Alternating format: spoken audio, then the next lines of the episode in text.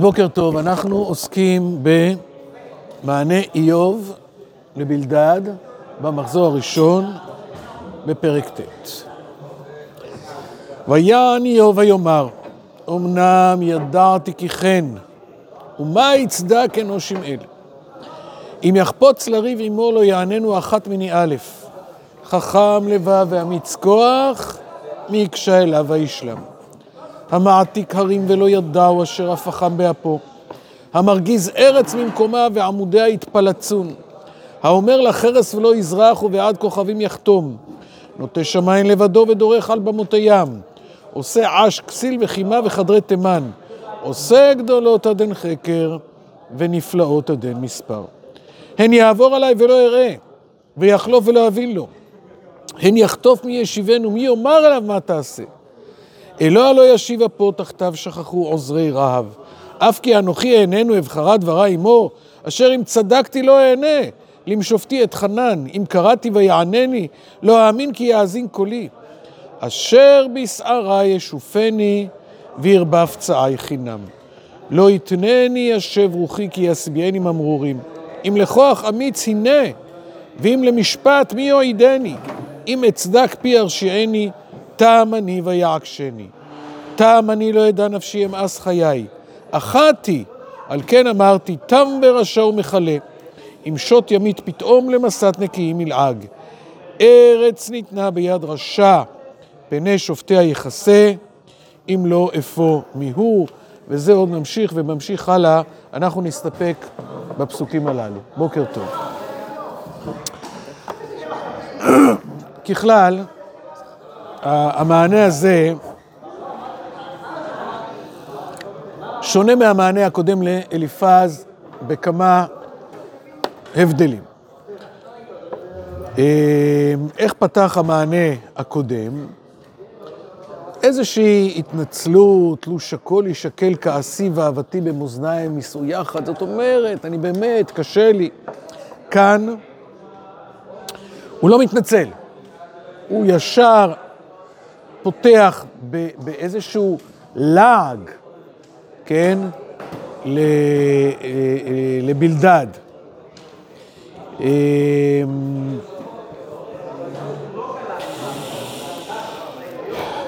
במענה הקודם איוב דיבר הרבה אל הרעים. כאן הוא פונה ישירות לקדוש ברוך הוא, זאת אומרת, הוא כאילו קצת שם אותם בצד, הוא כבר קצת מתייאש מהם. סליחה, אופס, בסדר? הוא קצת מתייאש מהם.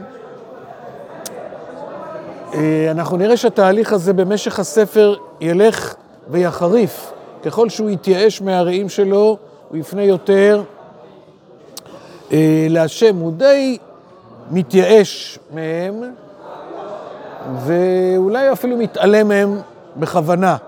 לכן יש פה פנייה אל השם. איוב בעצם במענה הזה לבלדד עונה בעיקר לאליפז. אליפז, כמו שהזכרנו כמה פעמים, הוא בכיר הרעים. רוב ההתמודדות של איוב היא מול אליפז. אז גם כשעונה לבלדד בעצם, הוא עונה לאליפז, כן? ובעצם פה תהיה התשובה העיקרית שלו לאליפז. דבר שמאוד בולט במענה הזה לבלדד, ובכלל בשיח עם, אל... עם בלדד, זה העניין של המשפט. איוב תובע משפט, איוב מוכיח בדבריו שאין שום סיכוי למשפט, ובגלל זה הייאוש שלו הוא כל כך גדול. תהיה פה התייחסות מאוד משמעותית לעניין של הבריאה, של הטבע. אם אתם זוכרים, אליפז דיבר על עולם הטבע כעולם שמנוהל בצורה, בצורה מופתית, כן? בואו נפתח רגע. אה, עושה גדולות ואין חקר נפלאות עד המספר. זה הפסוק שיאמר פה איוב, כמעט מילה במילה, עושה גדולות עד חקר, ונפלאות עד מספר. מה, מה רצה אליפז להוכיח? הנותן מטר על פני הארץ, ושולח מים על פני חוצות. זאת אומרת, העולם מנוהל בצורה תקינה, כמו שהוא מנוהל בצורה תקינה במישור הטבעי, ככה הוא מנוהל נכון גם במישור הרוחני, התיאולוגי של הגמול. איוב בדיוק ייקח את הדוגמה הזאת כדי להראות שיש חריקות, יש דברים שממש לא מנוהלים כמו שצריך. אז בעצם בפרק ט' הוא עונה למענה של אליפז, שדיבר על עולם הבריאה, אני לוקח פסוק מתהילים, מק"ד, ברכי נפשי. כן, מה רבו מעשיך שאין כולם, איך מה עשית?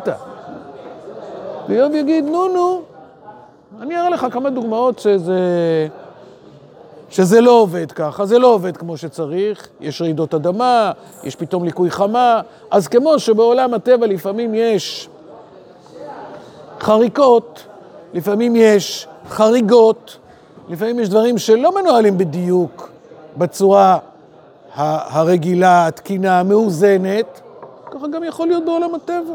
סליחה, ככה יכול להיות גם בעולם הגמול. ואם אתם רוצים הוכחה למישהו שהוא איש תם וישר וירא אלוהים ושר מרע, שנענש על לא עוול לכפו, אני יכול לתת לכם את הדוגמה לזה. אמ, עוד דבר, אני מקווה שנצליח להגיע אליו כבר היום, זה יהיה כל העניין של הסערה.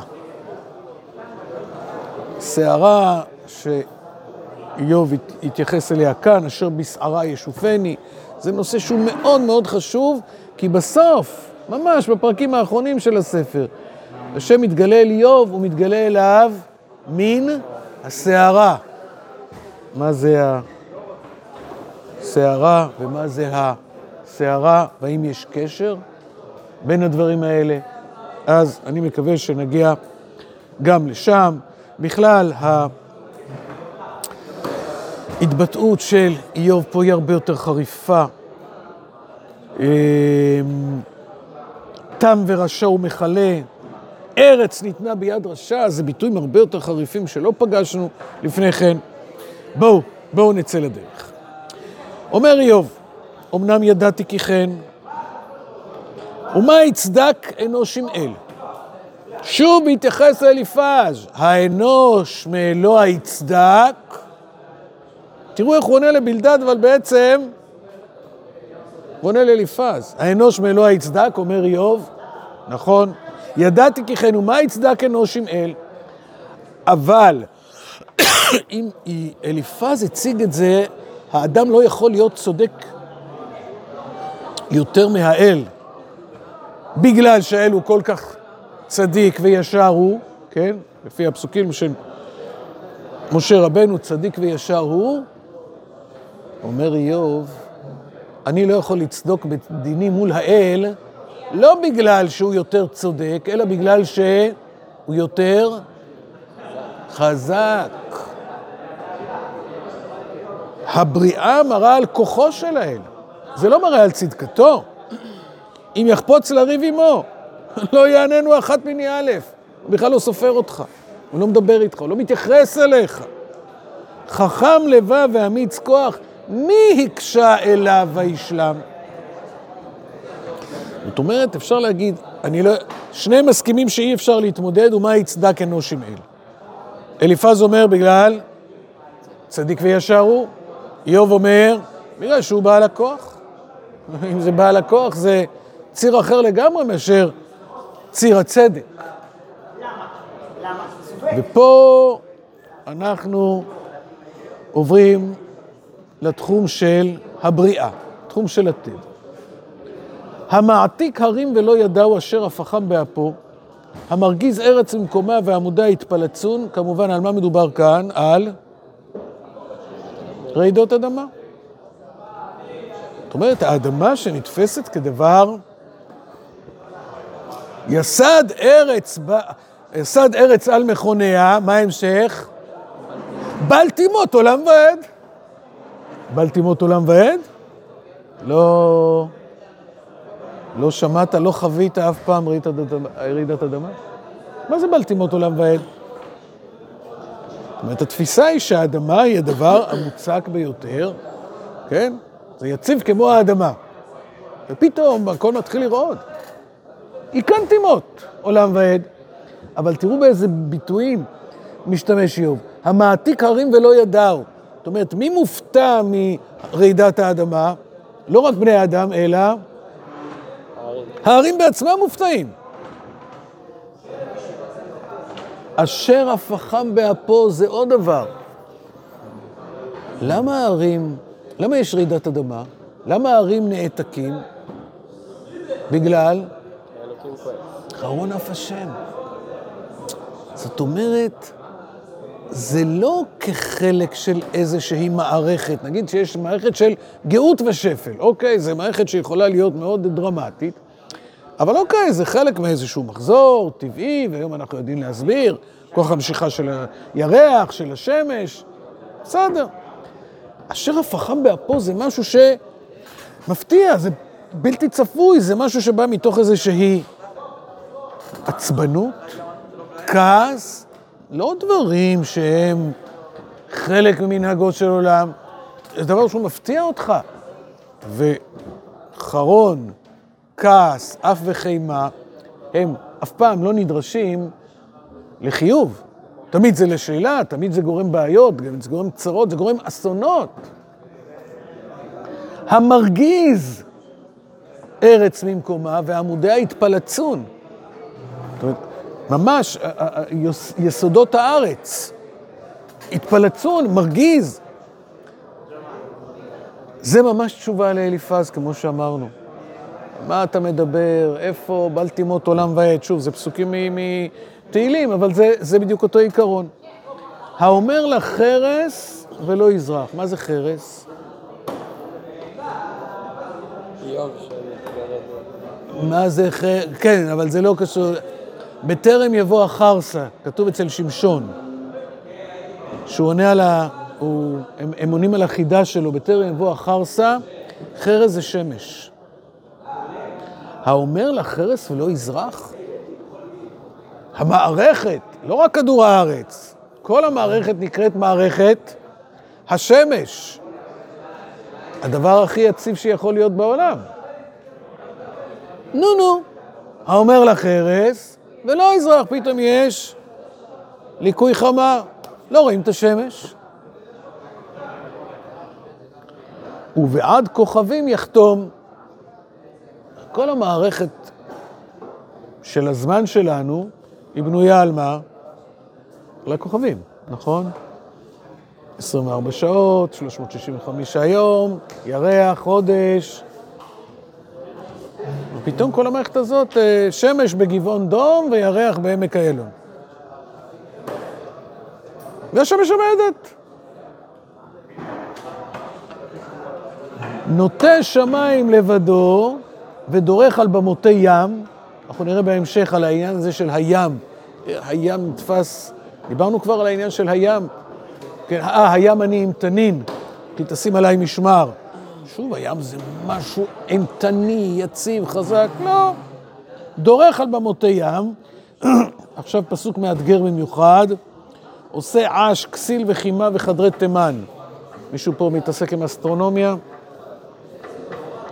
קימה, רגע, נתחיל עם הכסיל. כסיל זה קבוצת כוכבים מאוד מפורסמת בשמיים, אפשר לראות אותה בחורף, זאת אומרת, מי שיצא עכשיו יוכל לראות אותה. היוונים קראו לזה אוריון הצייד, אמ, ויש עוד קבוצת כוכבים. דרך אגב, הכסיל מופיע עוד, מופיע גם בישעיהו, כוכבי השמיים וכסיליהם. זאת אומרת, קבוצה כל כך דרמטית, שכבר הכוכבים נקראים על שמם. קימה, קימה זה איזה מקבץ של איזה כמה אלפי כוכבים, כולם מכירים את זה זה הסמל המסחרי של סובארו. קימה נקראת בלועזית פליאדות, וביפנית היא נקראת סובארו.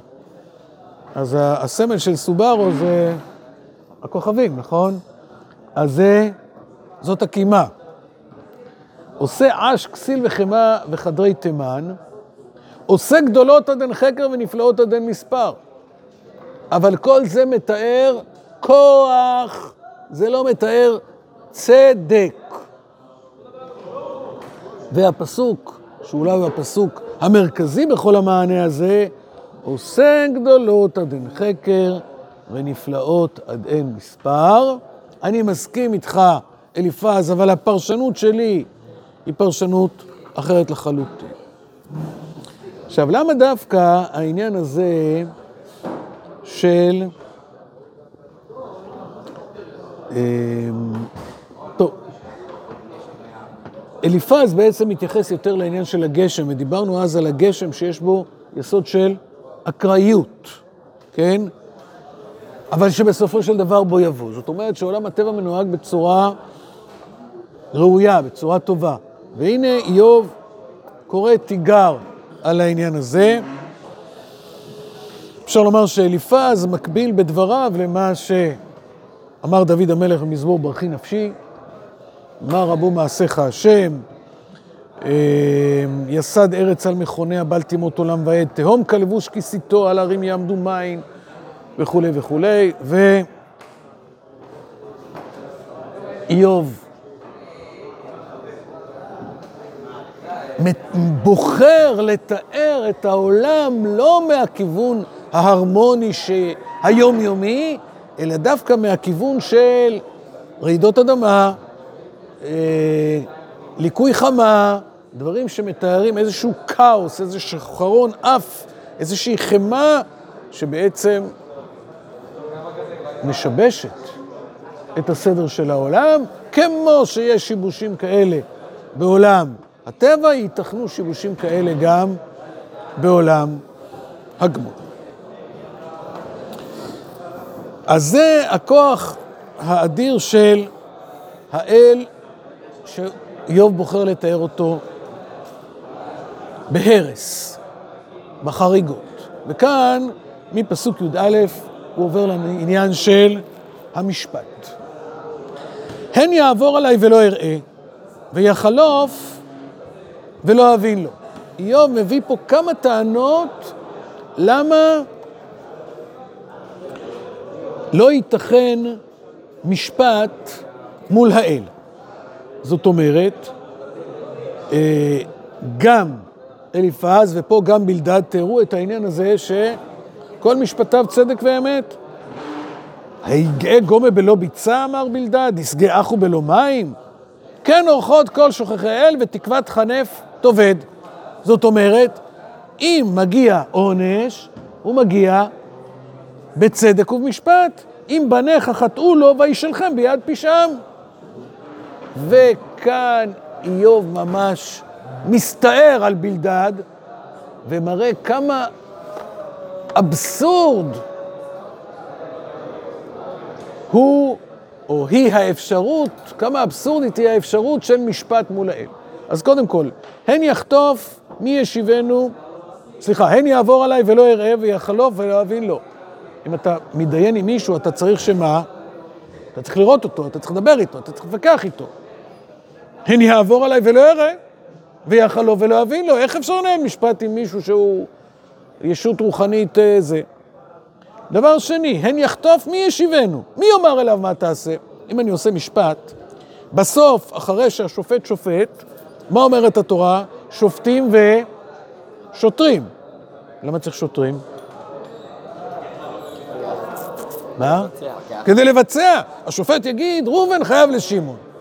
אומר ראובן, אתה יודע מה? לא רוצה לשלם. נו, מה עושה השופט עכשיו? אין לו כלום. זאת אומרת, צריך מערכת אכיפה, שופטים ושוטרים. אין יחטוף, מי ישיבנו? מי יאמר עליו מה תעשה? זאת אומרת, אף אחד לא יכול לחוף את האלוה לעשות אז. איזה מין משפט זה יהיה אם אין שום אפשרות לאכיפה? טענה שלישית, אלוה לא ישיבה פה, תחתיו שכחו עוזרי רהב. זוכרים איזה רהב? רהב זה גאווה, רהב זה שרו של ים.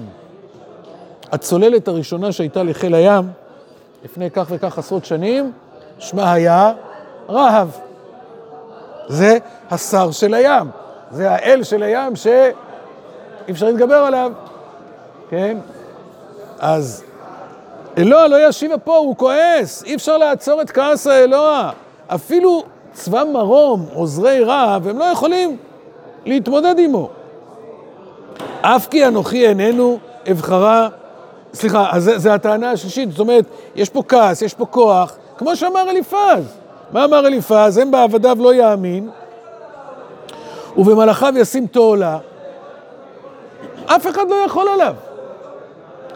טענה רביעית, אף כי אנוכי איננו אבחרה דברה עמו, אשר אם צדקתי לא אענה, למשופטי את חנן. זאת אומרת, השם הוא גם בעל הדין שלי והוא גם השופט. היום קוראים לזה ניגוד עניינים. זאת אומרת, אתה לא יכול להיות גם בעל הדין וגם השופט. אתה, אם אתה בעל הדין, צריך שיהיה גורם שלישי שהוא יהיה שופט. אבל השם הוא האלוה, הוא הדיין, הוא בעל דין, הוא הכל. וטענה אחרונה, אם קראתי ויענני, לא אמין כי יאזין קולי. הוא לא סופר אותי, הוא לא מתייחס, אני יכול לצעוק עכשיו עד השמיים. טענות קצת חופפות אחת עם השנייה, אבל כולן הולכות אל מקום אחד, האלוה כל כך גדול, כמו שאמר אליפז, והאדם הוא כל כך קטן. אז מה אתם מדברים על משפט צדק? על איזה משפט אתם מדברים? אין משפט, לא ייתכן משפט, אין שום אפשרות. אם אין אפשרות למשפט, אין אפשרות לצדק. אשר בשערה ישופני וירבב צאי חינם. פה איוב עובר לעניין של השערה. מה יש בסערה? מה זה שערה? למה דווקא איוב, למה איוב מזכיר דווקא את הסערה? מה אתם אומרים? זה שערה, שערה? או, אז אנחנו עוד מעט נתייחס לסערה הזאת. קודם כל נדבר על הסערה. אשר בשערה ישופני, מאיפה אנחנו מכירים את הפועל שוף, ש"ו-פ? יעקב. לפני יעקב, מה? תודה. הנחש הקדמוני, הוא ישופך ראש, ואתה תשופנו עקב. דרך אגב, במקומות היחידים יש שפיפון, כן? השפיפון זה הנחש, כן? רומזים את זה על שמשון. אני חושב שזה רק בבראשית ופה. כן, אז השפיפון, כי השפיפון הוא הנחש, זה מתקשר לנחש הקדמוני, אבל שם זה בתור שם ולא בתור פועל. אז אשר בשערה ישופני, זאת אומרת, הוא ממש דורך עליי, רומס אותי. זה קורה בסערה. הסערה מתארת כוחות עצומים. עכשיו, כשיש כוחות עצומים, אומרים, כיוון שניתנה למלאך המשחית, הכוח אינו מבחין בין צדיק לרשע. הסערה מתארת התפרצות שלוקחת איתה הכל. זה לא משנה עכשיו אם אתה ככה צדיק או רשע או... עולם הגמול מתאר עולם מאוד מדויק. לתת לאיש כדרכיו וכפרי מעלליו. גומל לאיש צדיק כמפעלו, נותן לרשע רק כרישתו. אז זה עולם שהוא יותר מדויק, יותר עדין, יותר מחושב, מאוד מאוזן. מה קורה בסערה? זה סערה, זה בא, זה סוחף הכל, אדוני, לא מעניין אותי, מי אתה, מה אתה. אנחנו מכירים את המציאות בדרך כלל, בודקים בצורה יותר מפורטת, יותר מדויקת. כשיש סערה, יש מצבים גם כאלה בחיים, יש לפעמים, פתאום יש מלחמה, יש אה, רעב גדול, יש, יש דברים שמקבילים לסערה. הסערה, מבחינה זו, מאוד קשה להיות מדויקים בה, כי הסערה היא או שחור או לבן, בדרך כלל יותר שחור מאשר לבן. אומר לי, לא, תראה, אני לא שחור, לא לבן, אני אפור מסוג כזה, זה לא האפור הזה, זה לא האפור הזה, זה... על מה אתה מדבר? הכל, הכל נסחף בסערה. אז שאיוב אומר, אשר בשערה ישופני, יש פה איזושהי קריאת תיגר כנגד הגמול. כי הגמול הוא מדויק, זה לא ראובן כמו שמעון, ושמעון הוא לא כמו לוי, ושל... ושלושתם הם לא כמו יהודה. זה משהו אחר. והסערה, ראובן, שמעון, לוי, יהודה, הכל הולך ביחד. אז מה שמתלונן איוב זה שהשם לא דן אותי בצורה שקולה, מדויקת, הייתי אומר אפילו את המילה אחראית, אלא באיזשהו, איזושהי אבחה, כן? ואנחנו גם יודעים את זה. שלח נא אה, ידך וגע בכל אשר לא. שלח נא ידך וגע אל עצמו ואל בשרו. ואמר לו, הינו בידך. ובאמת האיסורים שבאו אליו, אחד אחרי השני, אחרי השלישי, אחריו הרביעי, זה היה סוג של סערה. אז אנחנו לא נספיק היום להתעסק, לעסוק בקשר שבין הסערה לבין הסערה, אז אנחנו עכשיו באמצע העניין של הסערה. בואו רק נסכם מה ראינו. ראינו שהמענה הזה הרבה יותר חריף מהקודם. ראינו שאיוב עונה פה לא רק לבלדד, אלא בעיקר לאליפז. הוא מסכים עם גדולתו של האלוה, אבל אם לפי אליפז זאת הייתה הוכחה לצדקתו של האלוה, לפי איוב זה הוכחה לכוחו של האלוה, לא לצדקתו. אם העולם שתיאר אליפז היה עולם הרמוני, שממנו אפשר ללמוד גם על עולם הגמול, אצל איוב העולם הוא עולם עם אה, שבירות, הוא בחר לתאר את כוחות ההרס של רעידות אדמה, ליקוי חמה שגם הוא מלמד על עולם הגמול, כן? דיברנו על העניין של המשפט. איוב אומר, על מה אתם מדברים משפט? איזה משפט? משפט צדק. אין שום אפשרות למשפט, והוא הביא כמה טענות אחת אחרי השנייה, שהמשותף לכולם הוא קטנותו של האדם, אפסותו של האדם מול גדולתו של האל. התחלנו עכשיו את העניין של הסערה, וממנו אנחנו בעזרת השם נמשיך הפעם הבאה. שכוייך.